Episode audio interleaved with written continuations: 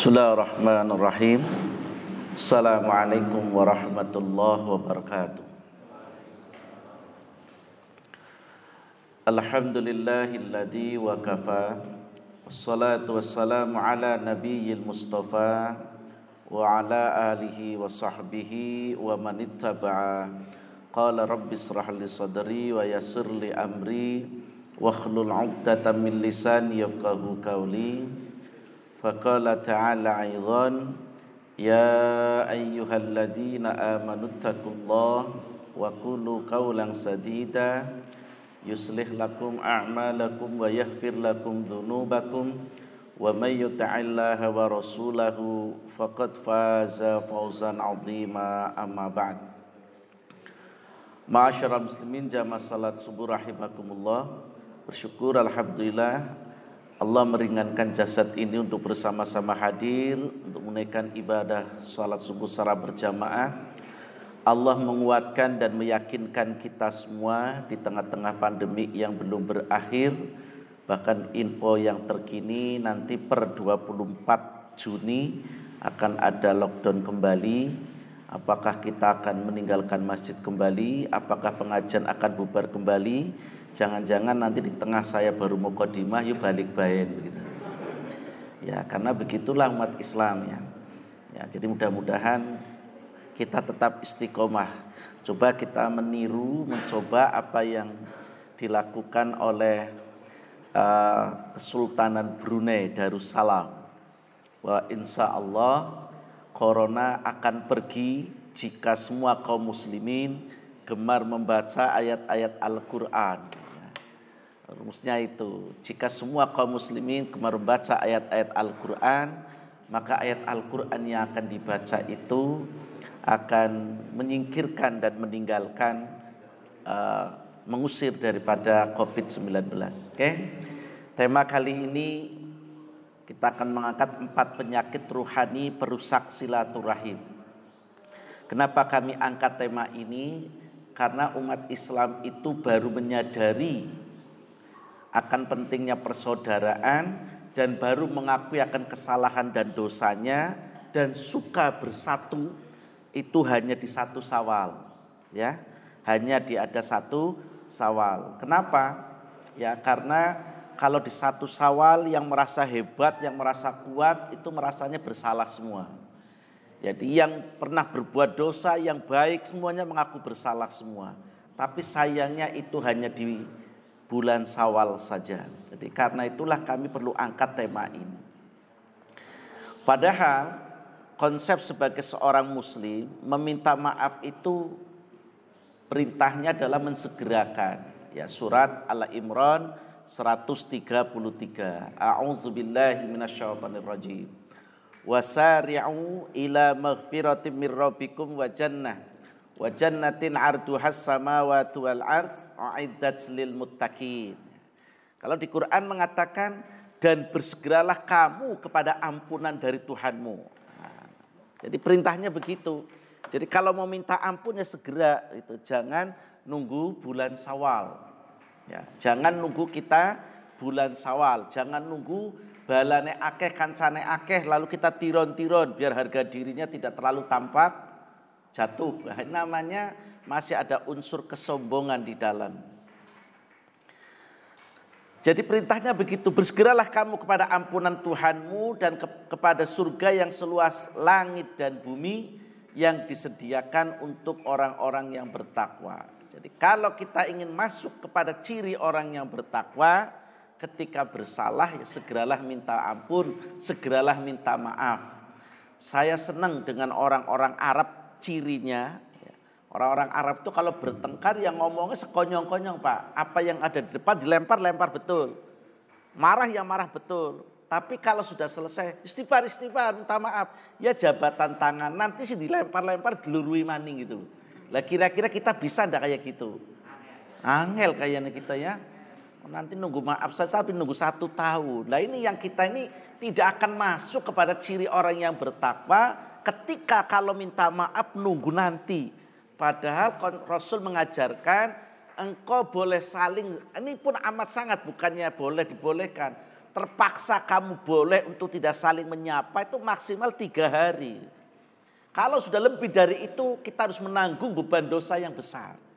Nah, jika kita ingin itibar Rasul, maka yang demikian ini ya mestinya mulai gitu Saya yakin kalau kita meminta maaf tidak akan mengurangi kehormatan, kemuliaan dan martabat kita. Insya Allah tidak. Justru kalau kita minta maaf, orang yang dimintai maaf akan rikuh dengan kita. Kenapa? Karena kita mengkonsepkan hadis dalil al-yadul ulya khairum minal yadis sufla. Tanganmu menjulurkan lebih dahulu di atas lebih mulia daripada orang yang menerimanya. Maka orang yang paham akan dalil mesti akan berebut meminta maaf bukan karena faktor usia tua atau muda, tetapi meminta maaf itu lebih mulia daripada memberi maaf. Tapi kenapa konsep-konsep yang kayak gini nggak dipakai? Gitu ya. Kalau toh kita kemarin meminta maaf, ya ini ada tingkatannya ada tiga, gitu ya. Tingkat, tingkat memaafkannya kita dalam uh, memaafkan di antara sama muslim. Itu sebagaimana di surat Al-Imran 134 alladzina yunfiquna fis sarra'i wad yaitu orang-orang yang menafkahkan hartanya baik di waktu lapang maupun sempit. Ini pun belum kita lakukan. Artinya kalau di bulan Ramadan panjenengan datang ke masjid mesti membawa uang. Itu kan? Kalau di bulan Ramadan infak sodakohnya semangat. Tiap sore kita berupaya ada pemberian jadwal takzilah ya kan? Nah ini barangkali adanya tajilan ini karena ada pengajian subuh. Itu pun karena yang mengisi dari luar itu. Kalau dari dalam kayaknya nggak ada ya. Lo tahu aja gitu. Ya, ya itulah contoh. Padahal perintahnya begitu. Jadi ciri orang yang bertakwa itu menafkahkan harta di jalan Allah kapan pun. Baik baik dalam keadaan lapang maupun dalam keadaan sempit. Ya, tidak tergantung karena adanya bulan, tidak tergantung karena adanya hari Jumat. Nah, coba kalau kemarin hari Jumat kan marak gitu ya. Beberapa masjid ada yang mengirim, tapi kan belum semuanya, belum semua masjid itu. Itu kan hanya masjid-masjid tertentu, itu pun karena dalam rangka menarik jamaah. Karena peserta Jumatannya titik, biar rame tekakakan badogan, oh begitu. Ya kan seperti itu, tujuannya kan bukan apa ya meskipun ada niat baik buat dia untuk bersedekah, tapi ada niat lain supaya menarik jamaah, ya kan? Nah ini, jadi bukan murni karena ingin berinfak gitu ya, bukan murni karena itu. Nah karena itu ada orang yang meminta maaf wal kadhimin ghaid ya wal kadhimin al ghaid. Dia meminta maaf tapi si nek gitu loh. Esi nek gitu ya. Nek itu si kesel jangan. Dan anak bulan sawal ya saya tidak akan minta maaf. Kira-kira ada nggak kayak gitu? Yakin akhirnya begitu kan? Wong kita kadang-kala bertetangga itu lebih akrab dengan orang yang jauh gitu. Karena tetangga kita ini kan apalagi saya yakin sama panjenengan seperti saya kompleknya di perumahan. Kan satu dinding itu kan dengan tetangga ya Pak. Ibaratnya tetangganya lagi ngeh-ngehan saja kerungu lagi ngapa gitu itu ketika kita bikin resah, jengkel gitu ya. Dan kita tidak minta maaf. Makanya setan ajarkan ya dengan contoh dari saya. Saya kemarin renov ya, saya lewat WA, mohon di maaf. Mungkin selama kurang lebih sekian hari saya akan mengganggu aktivitas panjenengan. Mungkin juga perjalanannya karena akan ada material di depan rumah saya. Kira-kira jenengan kan niku mboten? Mbok ora dor der dor der urus. Mawis belahku syukur itu. Lah ini kan namanya tidak mengkonsepkan ayat itu loh. Jadi ketika orang meminta maaf ya makanya tidak heran kalimatnya kalau di orang kampung begini mumpung lagi bulan sawal kan mumpung. Kan berarti hanya menggunakan momen saja kan. Selagi di bulan sawal bahasa Indonesianya kan begitu. Begitu. Maka apa? Meminta maaf dalam konsep seperti ini ada masih ada unsur keterpaksaan wal kadhiminal ghaib. Belum fuyur, fur ya, plur, belum pur. Masih ada kejengkelan. Wal kadhiminal ghaib. Wal afina aninas ini konsep yang kedua. Apa? Memberi maaf akan kesalahan orang lain, hatta orang lain itu enggak meminta maaf gitu loh. Kira-kira kita bisa enggak? Ya maksudnya apa? Orang yang bersalah kepada kita, kita datang meminta maaf. Kira-kira tayang buatan itu. Ya, poin yang kedua ini. Padahal wingi jengkeli banget itu. Margi banget itu. Tetapi karena kita ingin menggunakan, ingin mengaplikasikan konsep ayat, maka orang yang menyakiti kita, kita datangi Pak. Saya minta maaf, hilap salah saya. Bulan sawal, bulan penghapus dosa. Maafkan hilap dan salah saya. Kira-kira tayang apa kayak gitu. Yakin apa-apa orang itu. Karena apa sudah jelas-jelas dia salah. Lah poin yang kedua ini andaikan kita mempraktekkan betapa mulianya kita di sisi Allah. Apalagi memasuki poin yang keempat. Wallahu yuhibbul muhsinin. Orang yang menyakiti kita, orang yang memusuhi kita, orang yang mengkhianati kita, orang yang mendustakan kita, justru kita kunjungi dengan membawa makanan. Ada ndak kira-kira jamaah sini? Yakin orang anak? Sulit kan? wis memusuhi, sudah memfitnah, sudah menganiaya, sudah menyiksa, justru kita datang membawa makanan minta maaf. Tekan kiamat kayaknya orang gelem ya. Padahal ini perintah Allah loh. Ini perintah Allah. Makanya mohon maaf kenapa kaum muslimin itu jadi mulia-muliakan. Karena meninggalkan dasar sumber hukumnya. Meninggalkan dasar sumber hukumnya. Ini penyebabnya. Andai kan kita bisa melaksanakan konsep-konsep ayat seperti ini, ya maka insya Allah di antara kaum muslim, di antara kita tidak ada permusuhan. Apa yang menyebabkan permusuhan selalu muncul di tengah-tengah kita? Ya, maka Rasulullah SAW sudah mewasiatkan kepada kita semua. An Abi Hurairah radhiyallahu anhu qala qala Rasulullah sallallahu alaihi wasallam la tahasadu wala tanajasu wala tabaghadu wala tadabaru wala yabi' ba'dukum ala bai'in ba'd wa kunu ibadallahi ikhwana. Al muslimu akhul muslimi la yudlimuhu wala yahduluhu wala yahkiruhu at-taqwa hahuna wa yusirru ila sadrihi salasa marrat. Bihasbi mri'in minan sara minas sarri ayyah ayyah kira akhahul muslima kullu al muslimu ala muslimin haramun damuhu wa maluhu wa irduhu dari Abu Hurairah radhiyallahu an ia berkata Rasulullah sallallahu alaihi wasallam bersabda kalian janganlah saling mendengki Rasulullah sudah melarang kalian ini kan kalian ini kan kita karena sebagai umat beliau. Kalian jangan saling mendengki. Kalian jangan saling najasi. Kalian jangan saling membenci dan kalian jangan saling membelakangi. Mohon maaf contohnya karena sudah terbiasa berada di shop terdepan, hari ini telat, kemudian dengan gagahnya tarik temannya, ngalih ke tempatku. Itu sama saja membelakang, saling membelakangi. Gitu. Ujar-ujar gagah pisan apa gitu. Nggak bisa.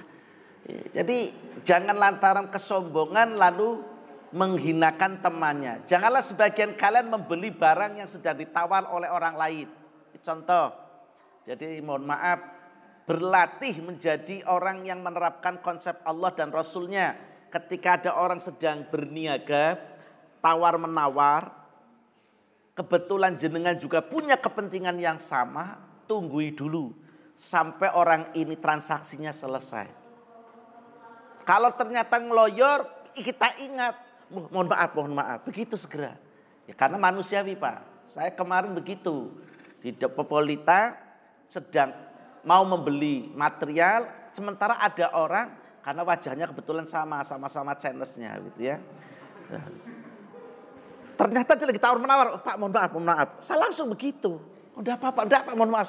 Udah saya sudah selesai lah, selesai sudah. Coba yang seperti itu dipraktekkan.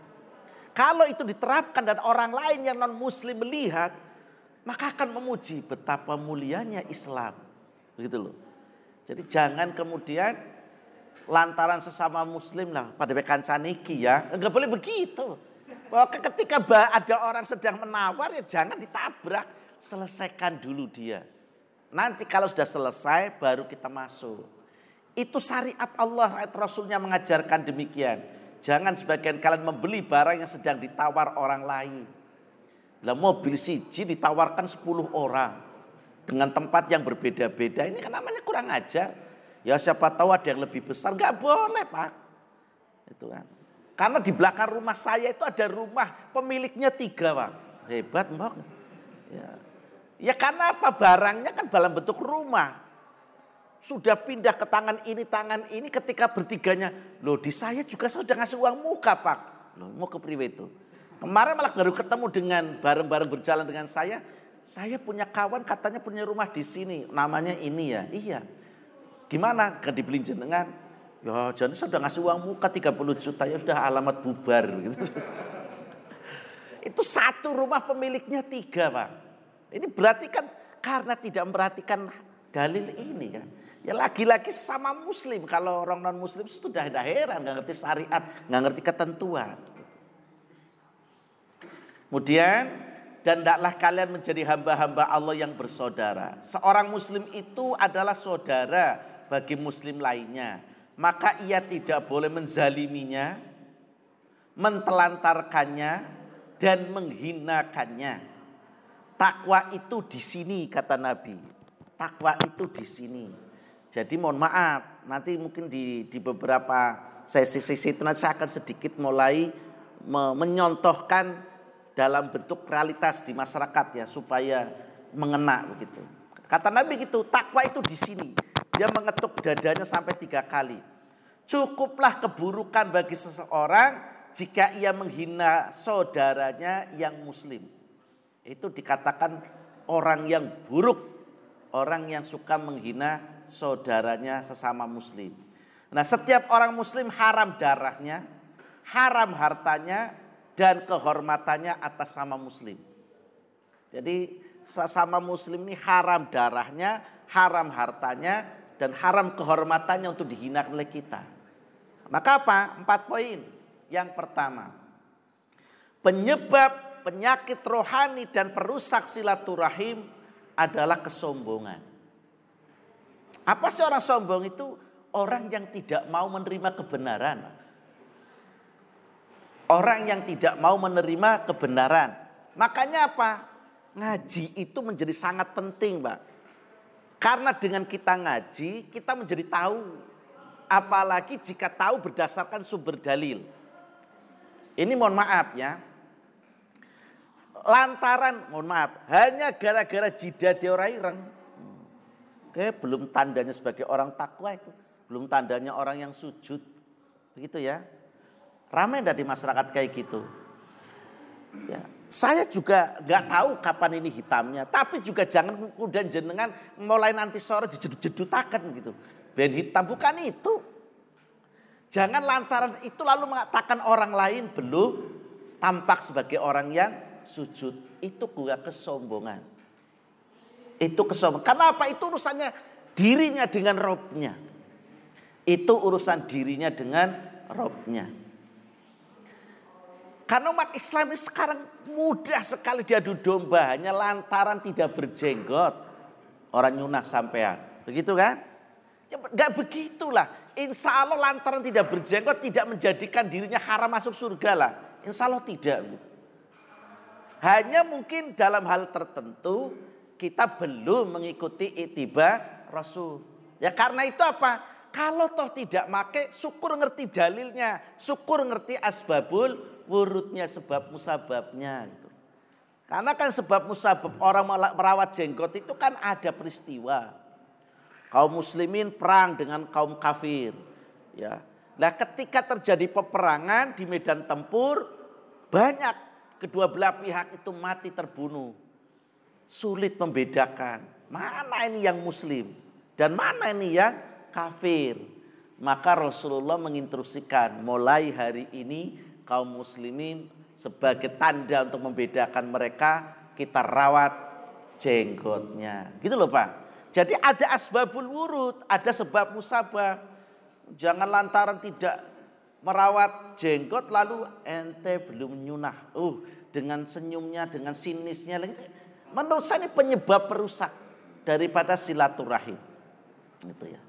Tetapi yang kemudian ada orang menyampaikan bahwa sebaik-baik manusia adalah itibar Rasul, maka pelihara jenggotnya, ya silahkan. Jangan pula kemudian mau sampai, dia pula begitu, karena itu kebenaran dalil. Ya diterima, begitu loh. Paham ya?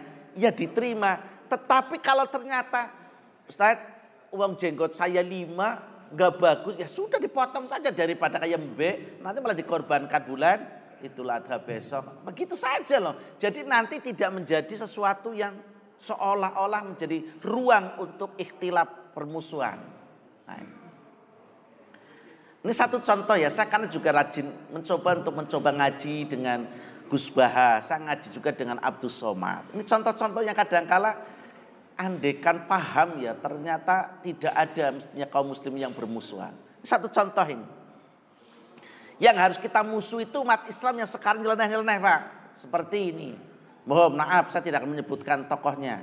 Ada seorang tokoh ulama, dia dokter lulusan Timur Tengah, dia mengatakan haji itu mestinya tidak harus di bulan Zulhijjah. Lah yang seperti itu baru kita musuhi Pak.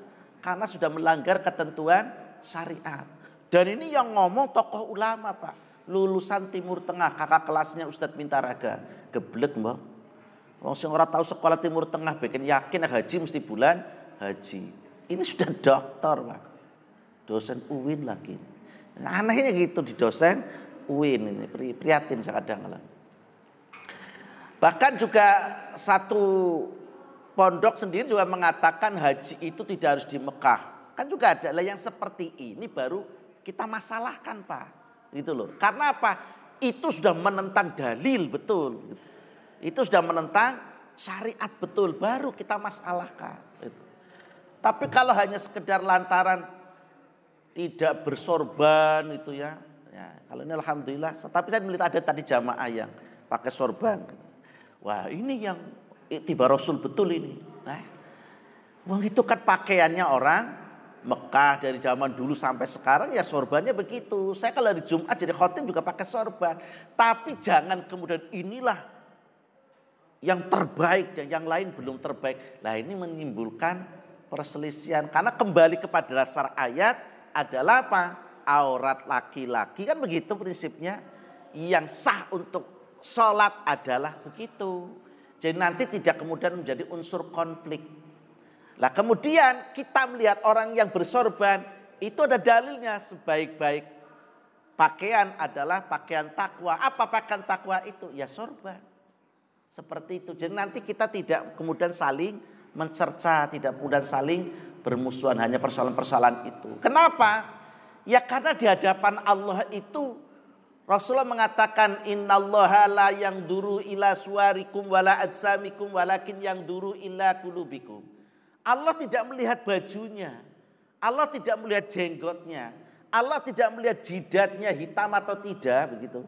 Tapi yang akan dilihat oleh Allah itu adalah takwanya takwanya. Oleh karena itu mohon maaf bagi orang yang sudah mulai memelihara jenggot. Jidatnya sudah itu. Mestinya sikap perilakunya lebih mulia, lebih arif, lebih bijak daripada yang belum merawat jenggot. Mestinya begitu. Karena apa? Perilaku itu merupakan bentuk aplikasi pengamalan daripada hati. Itu loh. Mestinya begitu. Lah mohon maaf sudah pakainya sorban, jenggotnya panjang, cungklang, utang ora disaur. Lah ini ngenaki banget itu. Dan ini mohon maaf banyak begitu loh Pak. Banyak gitu kadang. Gimana sih seperti itu ya? Lain. Jadi maka saya sampaikan jangan jadi orang sombong. Karena sombong itu penyebab retaknya silaturahim, penyebab permusuhan di antara kita. Oleh karena itu Rasulullah SAW senantiasa berdoa, Allahumma ahyini miskinan, wa amitni miskina, wahsyurni fi zumratil masakin. Ya Allah, hidupkanlah aku dalam keadaan khusyuk dan rendah hati. Jadi khusyuk, khusyuk itu istiqomah, khusyuk itu tenang, gitu ya. Berjiwa tenang karena kolbun salim. Kemudian rendah hati, tidak membusungkan dada, tidak merasa paling, gitu ya. Jadi kalau kita ini jadi orang yang khusyuk rendah hati, maka di mana pun di mata seluruh manusia kita ini bukan siapa-siapa. Kenapa? Coba mari kita diskusikan asal muasal kita itu kan dari sesuatu yang menjijikan. Apa jenengan pernah memegang asal muasal jenengan di tangan kie? Kie biyen kie asalnya kie. Bukan anak. Semuanya jijik gitu loh. Karena itu tidak layak buat kita semua itu merasa paling dan merasa hebat, merasa paling besar dan sebagainya. Kesombongan itu namanya, kesombongan. Maka apa jadikanlah diri kita orang yang rendah hati. Kalau kita rendah hati, justru kita akan tambah dimuliakan oleh Allah, akan diangkat harkat martabatnya. Gitu.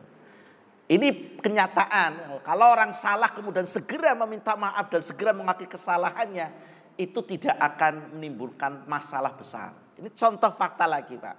Saya waktu mahasiswa semester 3 kira-kira. Itu kos di tempatnya Bapak kos yang cukup besar gitu ya. Lalu masaknya dulu masih dengan kompor. Ya saat saya menyalakan kompor dengan crack jazz itu. Kemudian setelah itu sisanya tak lempar di tempat sampah. Lalu saya pergi ke warung beli lauk Pak. Pulang ke rumah, tong sampahnya bakar dapur, Pak. Gimana? Saya dipanggil, Aminuddin. Anjing, Mbah, mohon maaf saya salah. Simbahnya itu langsung, ya jadi maning-maning ya. Selesai kan? Coba bayangkan kalau saya ada salah apa lah, nangtang segala-galanya keplak-plak-plak gitu. Mergi dari sini sekarang juga, mesti begitu. Enggak, karena saya langsung, mohon maaf mbah saya yang salah. Aja maning-maning. Padahal sudah tinggi, beripatu sudah mendelik gitu.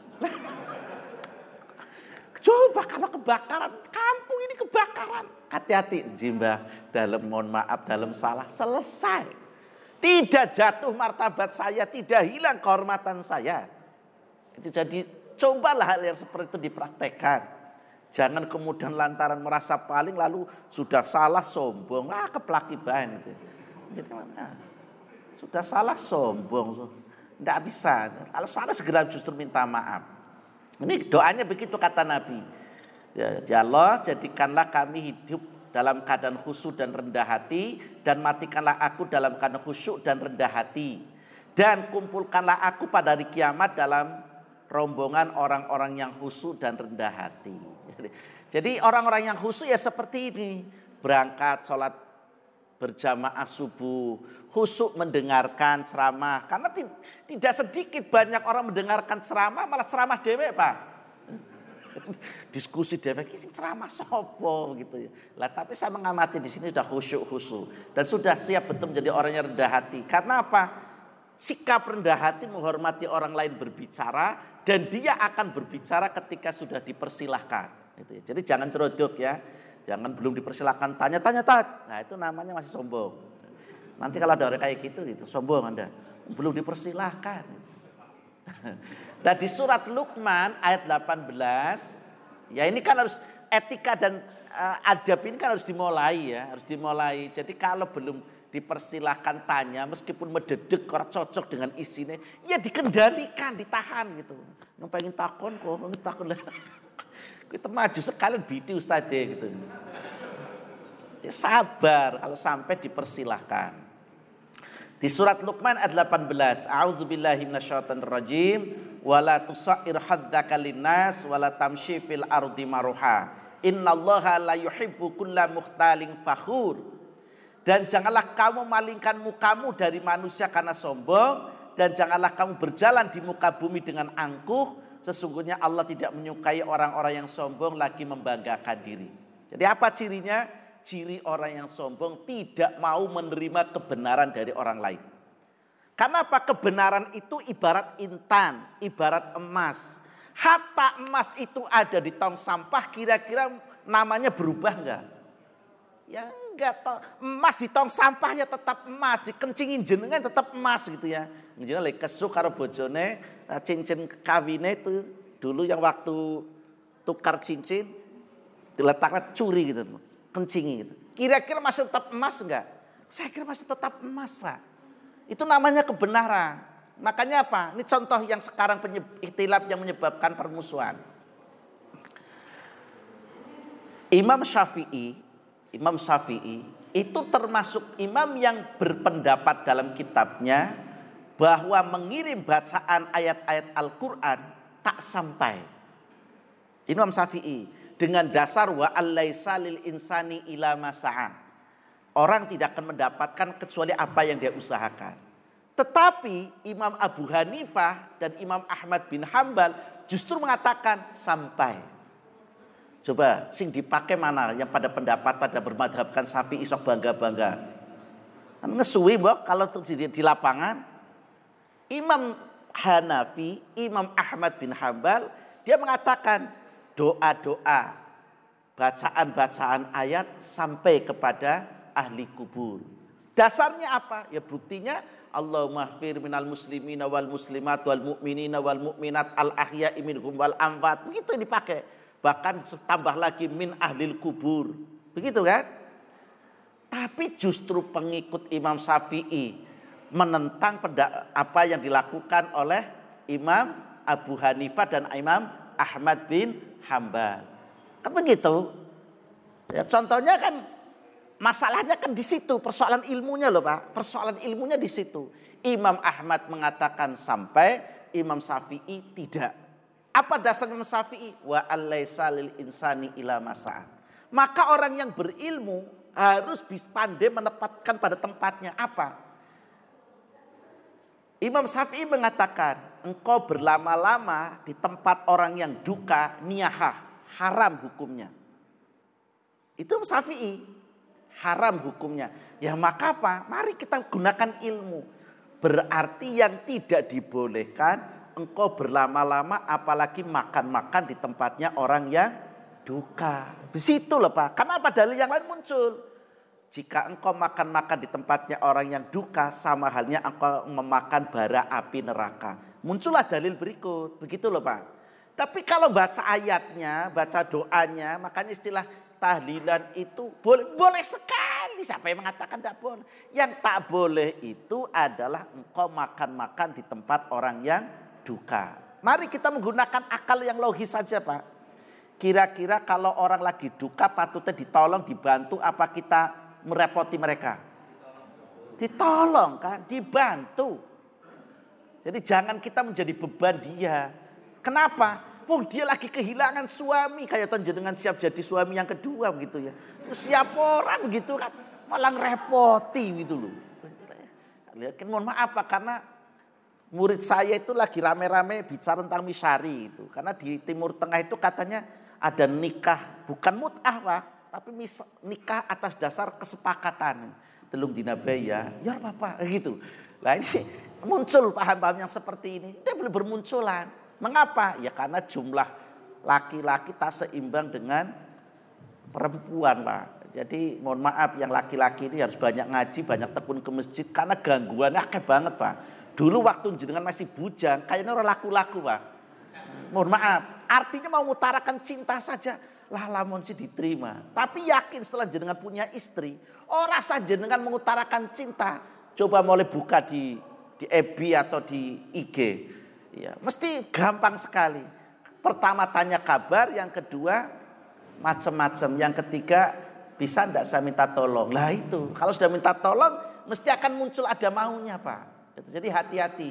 Makanya apa? Bisa jadi HP itu istri yang pertama daripada istri yang kedua.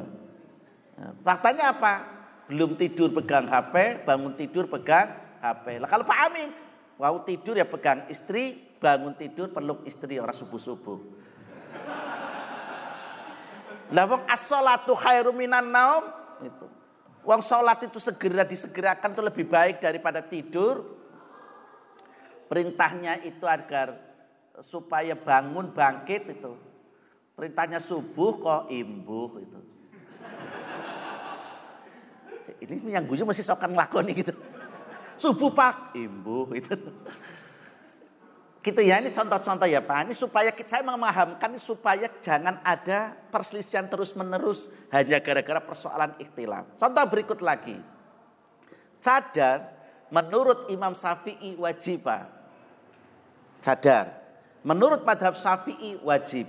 Tapi menurut Imam Hanafi sunnah. Coba sing madhab syafi'i nganggone ora bojone. Mbok ora? Kan aneh kan? Jadi kadang kalau bangga dengan madhab ini orang ngerti asari atau orang ngerti ajarannya gitu loh. Ini contoh Pak. Jadi madhab syafi'i mengatakan cadar itu bagi kaum muslimah itu wajib. Tapi madhab Imam Hanafi sunnah. Nah, berarti bojonin jenengan pada dalam mengenakan pakaian madhabnya siapa Pak? Tapi jujur ngomong gitu loh. madhab kan Hanafi. Berarti kan kita ternyata realita di masyarakat tidak pernah memurni pure menggunakan madhab syafi'i kan. Ternyata banyak yang menggunakan madhab Hanafi juga. Jadi karena itu kalau paham agama, iya ya, kenapa kita gelem diadu domba gitu ya. Masalahnya kan di situ. Kenapa? Karena kita orang ngerti. Kalau kita ngerti, insya Allah tidak. Ini penting Pak, supaya kita ini eliminasi betul lah sekecil mungkin perselisihan itu dikurangi karena apa kita tuh kalau semakin diperuncing permusuhan kita makin bertambah dan kita semakin meninggalkan dalil kita semakin meninggalkan Quran dan semakin jauh meninggalkan ketentuan hadis di surat An-Nahl 22 sampai 23 ilahukum ilahu wahid falladina la yu'minuna bil akhirati qulubuhum munkiratu wa hum mustakbirun La jarama annallaha ya'lamu ma yusirruna wa ma yu'linun. Innahu la yuhibbul mustakbirin. Tuhan kamu adalah Tuhan yang Maha Esa. Maka orang-orang yang tidak beriman kepada akhirat, hati mereka mengingkari keesaan Allah. Artinya mengingkari kebenaran Allah. Gitu. Sedangkan mereka sendiri adalah orang-orang yang sombong. Penyebab kita mengingkari kebenaran Allah dan Rasulnya adalah kesombongan. Gitu. Kesombongan. Lah Ustaz tahu bahwa jenggot katanya sunnah Rasul sebaiknya Anda menggunakan apa tidak? Bojoku protes. Ustaz jenggot itu laku risih. Lah coba. Apa kemudian lantaran itu suka pemuda musuhan padu dengan istri? Ya sudah. Demi menyenangkan istri dan insya Allah menyenangkan istri. Pahala enggak? Pahala bukan pahala lagi Pak. Bukan. Bukan pahala lagi tapi ada lainnya juga kan. Pahala Pak menyenangkan istri. Jadi demi ke, apa kerukunan berkeluarga demi sakinah ya saling mengerti saling memahami gitu loh oke tidak usah tidak usah melihara jenggot jadi begitu jadi tidak kemudian menjadi kaku karenanya gitu ya tidak menjadi kaku karenanya tidak diragukan lagi bahwa sungguhnya Allah mengetahui apa yang mereka rahasiakan dan apa yang mereka lahirkan. Sungguhnya Allah tidak menyukai orang-orang yang sombong. Kesombongan itu tidak disukai oleh Allah. Pak. Jadi maka kita pegang betul konsep ini. Yang kedua, sifat tamak, sifat rakus, sifat yang menghalalkan segala cara untuk mendapatkan keinginan dan kepuasan sendiri. Nah, jadi ini tamak Pak, mohon maaf. Kalau kita ini, ini kebetulan kan di perumahan seperti ini ya. Kalau ternyata sudah ada kesepakatan bahwa kita habiskan bangunannya, ya kalau sudah dipahami bersama-sama nggak masalah Pak. Tapi jangan sampai juga mengganggu kepada kanan kirinya. Jadi mohon pak, mohon apa? Tritisan atap jenengan. Kalau ternyata menjatuhi tetangga, itu jangan dianggap tidak dosa pak. Walaupun setetes air loh pak. Tes, tes, mendina begitu. Jadi mohon untuk diselesaikan persoalan seperti ini. Contoh mohon maaf, yang pakai AC. Kemudian pembuangan airnya, pembuangan air AC, tidak diarahkan di tempat di mana milik kita, tapi mengenai tempat lain. Itu mungkin setetes sekali nggak apa-apa. Berapa kali tetes, Pak? Itu bisa merusak. Maka itu termasuk orang yang zalim. Menzalimi orang lain. Gitu ya. Banyak masalah Pak, jangan dikira tidak. Tetua takmir, mohon maaf, bendaharanya bangga mengumumkan Alhamdulillah infak Masjid Usman bin Affan sekarang sudah 150 juta kami simpan di bank. Dolim. Ya dolim kata. Kenapa? Lo kok malah seneng umumkan sementara masjidnya sepi, sementara TPK Ustaz orang sing gaji. Banda baik bendahara. Ini serius Pak.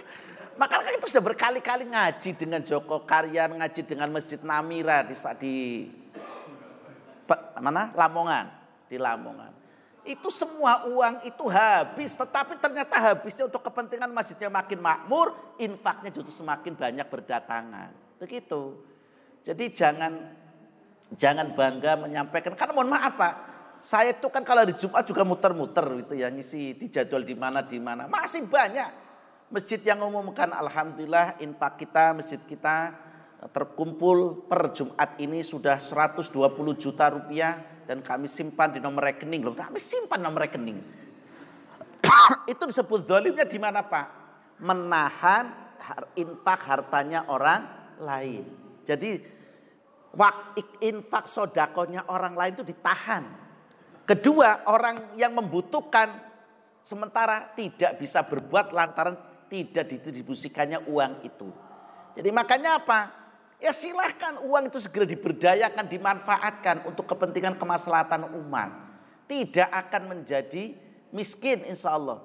Masjid di tempat saya justru tiap Jumat Alhamdulillah walaupun di dalam ya tidak kurang dari 2 juta setiap hari Jumat.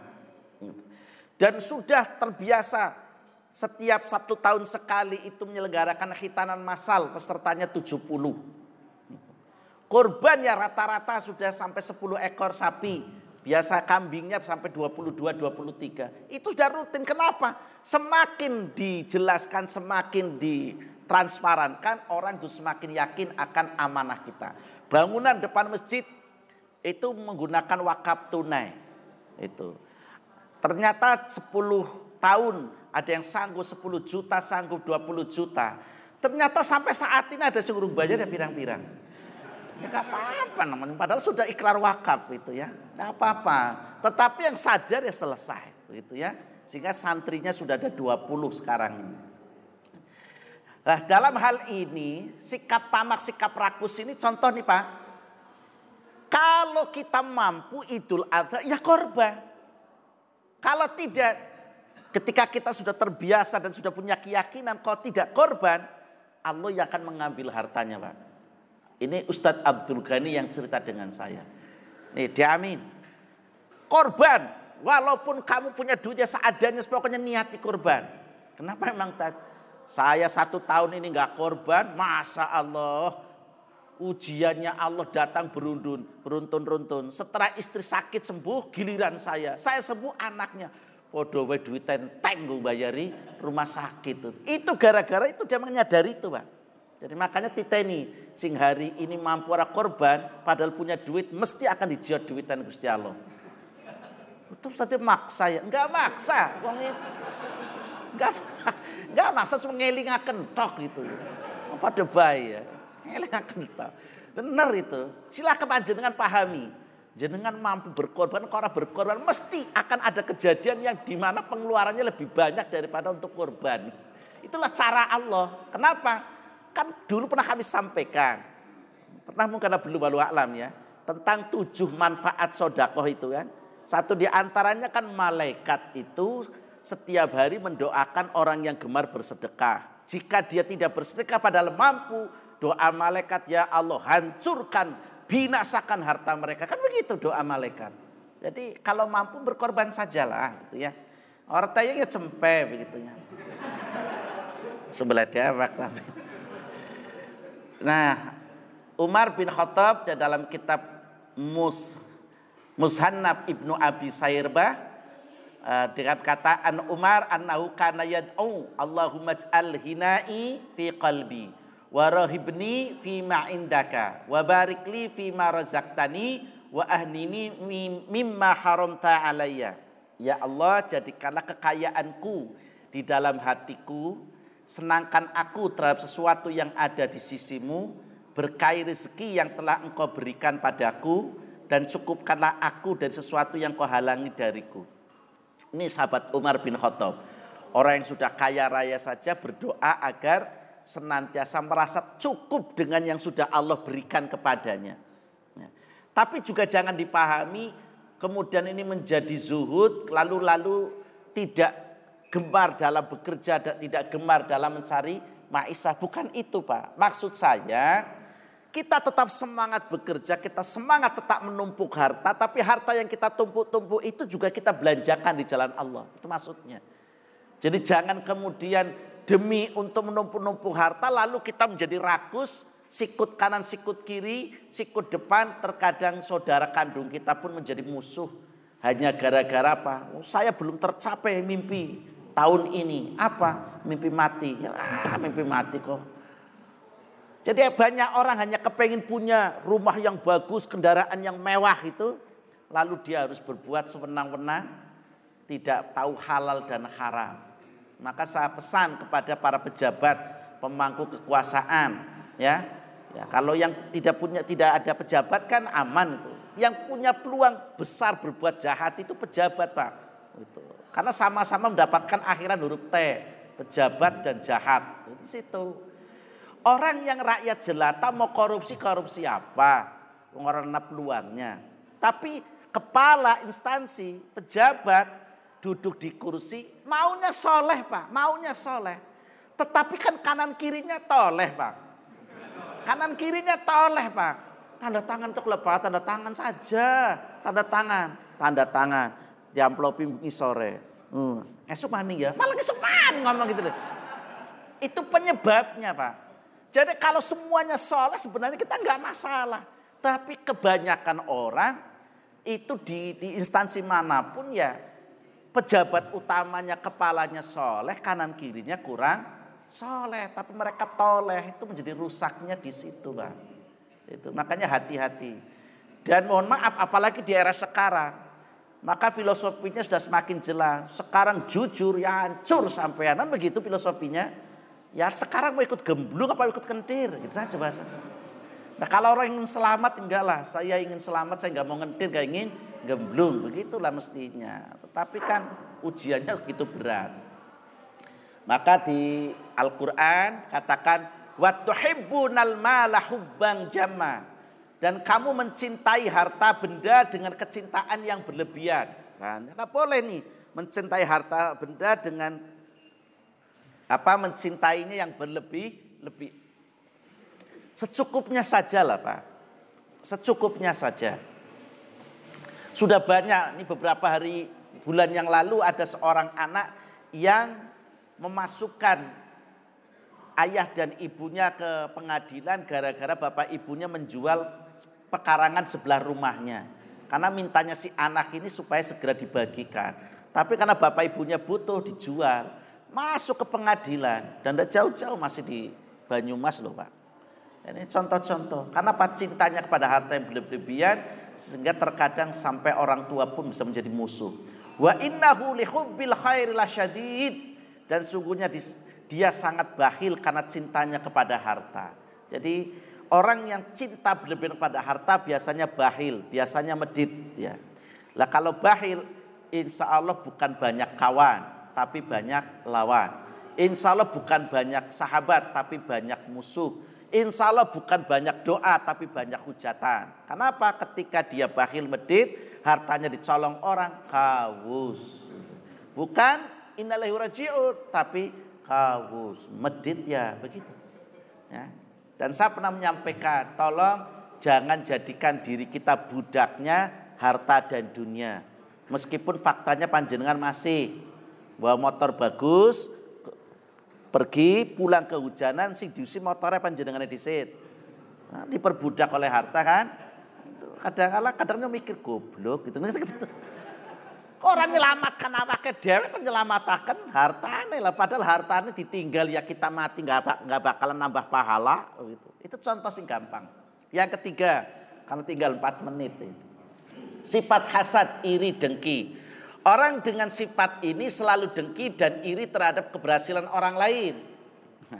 Ini penyakit kita bersama Pak. Artinya kita saya di dalamnya ada. Bukan panjenengan saat saya. Jujur tetangga kita renov rumah. Setelah renov rumah bagus, apalagi tingkat lantai dua, esok hari datang mobil baru. Kira-kira jenengan bombong pakai sofa. Yakin kah kesuwe kurang ajar. Itu begitu. Jadi heran ya Pak, orang lain sukses bukannya kita senang malah susah itu Pak. Lah bisa apa lo nyorot yang berburu reno buru-buru beli mobil reno beda orang tayang gaji aja kembang kempis itu ya. Kia wis tanggal pira ya. Tanggal berapa sekarang Pak? 13. 8 eh 9 20 toh. Tanggal 20 eh siapa orang kan gaji kan sudah ketar-ketir. Oh, kancane tanggane kok reno perumah itu ya. Megah banget reno perampu kok datang lagi Pajero. Uh, Itulah makan muncul adalah ada istilah SS3 itu ya. Susah melihat SMS ya. Susah melihat orang lain senang. Susah Pak melihat orang lain senang itu susah kita.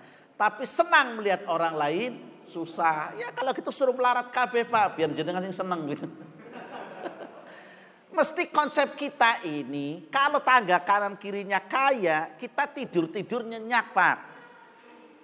Aman itu. Karena konsep Rasul begini.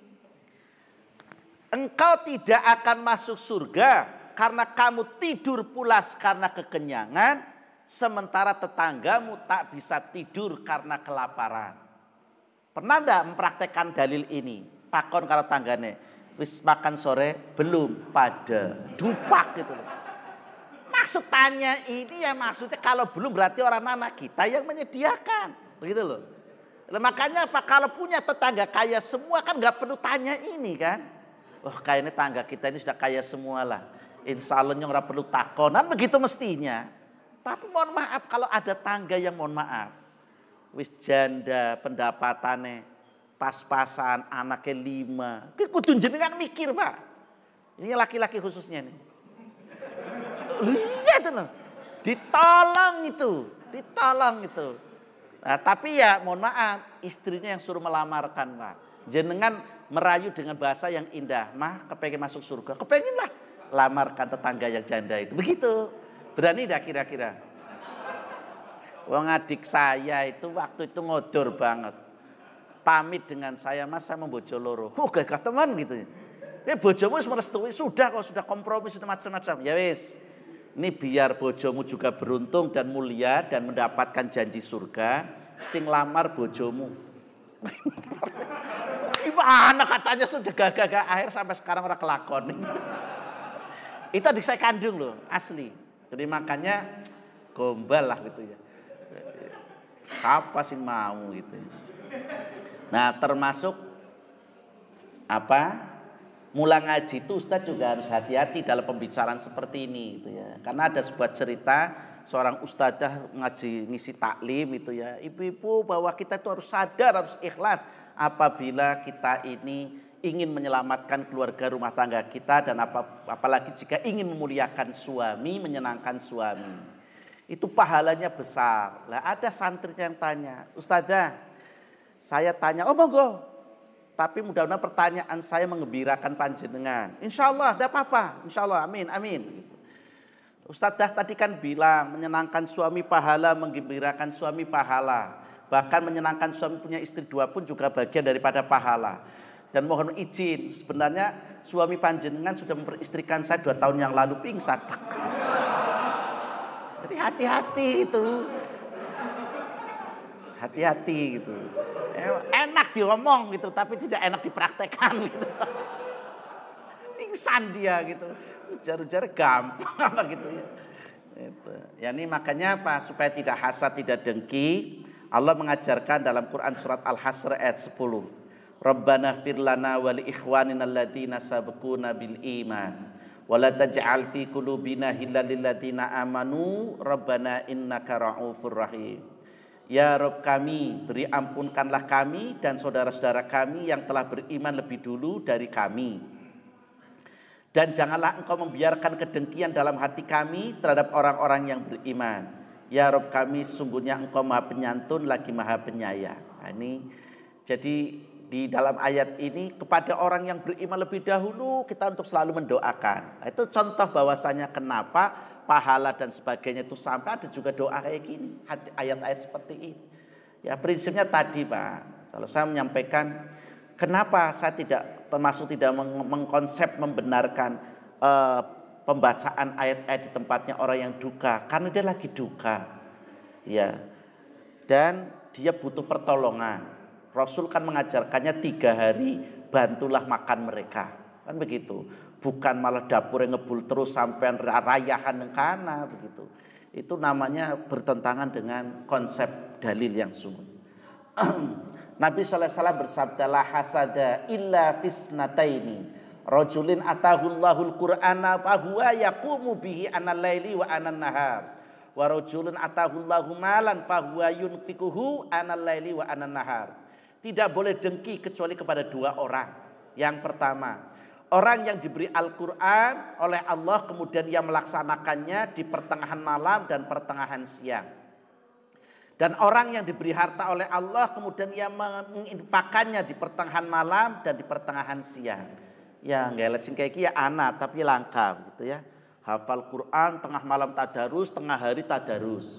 Kaya raya tengah malam belanjakan hartanya, menginfakan, tengah hari juga menginfakan. Kan angel. Semakin kaya semakin melengkeret turunnya, semakin angler. Eh, semakin miskin yang turu-turu karena utangnya kakean gitu priwe golem bayar. Di surat An-Nisa Wala tatamannau ma fadhalallahu bihi ba'dakum ala ba'd. Lirijali nasibum mimaktasabu walin nisa'i nasibum mimaktasabun. Was'alullaha min fadli innallaha kana bikulli syai'in alima. Dan janganlah kamu iri hati terhadap apa yang dikaruniakan Allah kepada sebagian kamu lebih banyak dari sebagian yang lain karena bagi orang laki-laki ada bagian daripada apa yang mereka usahakan. Dan bagi para wanita pun ada bagian dari apa yang mereka usahakan. Ini ayat ini sekaligus memerintahkan membuktikan bahwa laki-laki perempuan akan mendapatkan apa yang dia usahakan. Berarti kan tidak ada larangan perempuan bekerja. Ini kalau ayat ini loh ya. Dan mohonlah kepada Allah sebagian dari karunia-Nya sungguhnya Allah Maha mengetahui segala sesuatu. Bapak Ibu hadirin rahimakumullah, kenapa hidup manusia itu bertingkat-tingkat? Kenapa ada yang kaya, kenapa ada yang miskin, kenapa ada yang sedang? Ini bukan Allah tidak bisa, Pak. Sangat mungkin bisa kalau di dunia ini menjadikan semua orang ini kaya. Tapi betapa sulitnya dan betapa sengsaranya kalau semua orang hidup itu kaya raya, Pak. Kenapa? Gak ada orang yang bisa disuruh kita, Pak jenengan ora yang duwe rewang ta. Angel kan? Sing ngomong anaknya dewek ora teyeng. Kenapa? Perintah orang suruh rewang malah sampai jadi rewang itu gaji dua kali lipat ke priwe jabane. Karena gitu. Tapi dengan adanya tingkatan ekonomi yang berbeda-beda, hidup ini menjadi indah. Ada yang membutuhkan tenaganya, ada yang membutuhkan uangnya, gitu. Makanya semuanya punya profesi, punya skill masing-masing. Saya kalau diperintah istri patu bocor ya nunggu nunggu tukang dan dari bocor ya perintah nyong tiba malah sampai ke suh gitu. Tayang-tayang orang malah munggah-munggah padahal perintahan begitu. Biayanya lebih, lebih banyak lagi Pak. Karena kalau sudah jatuh tuh biayanya lebih besar. Tapi dandani bocoran cukup dengan 100 ribu selesai. Tapi dengan orang tayang munggah tekan ungkep saja sudah lek kayak wong kena Parkinson gitu ya udah, udah silahkan seorang lain saja lah itu ahlinya banyak itu. Jadi tidak usah kemudian rakus hanya gara-gara ingin duit orang metu lalu kemudian memaksakan diri. Ya. Terakhir keempat ini yang diminta-minta ini yang terakhir. Sifat suudon, buruk sangka, selalu berburuk sangka terhadap orang lain termasuk penyakit rohani yang bisa merusak persaudaraan dan silaturahim. Hadirin rahimakumullah, di off kan aja dulu supaya tidak